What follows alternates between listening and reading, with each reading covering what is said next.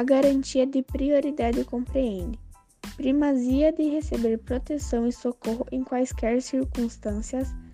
precedência de atendimento nos serviços públicos ou de relevância pública, preferência na formulação e na execução das políticas sociais públicas, destinação privilegiada de recursos públicos nas áreas relacionadas à proteção à infância e à juventude.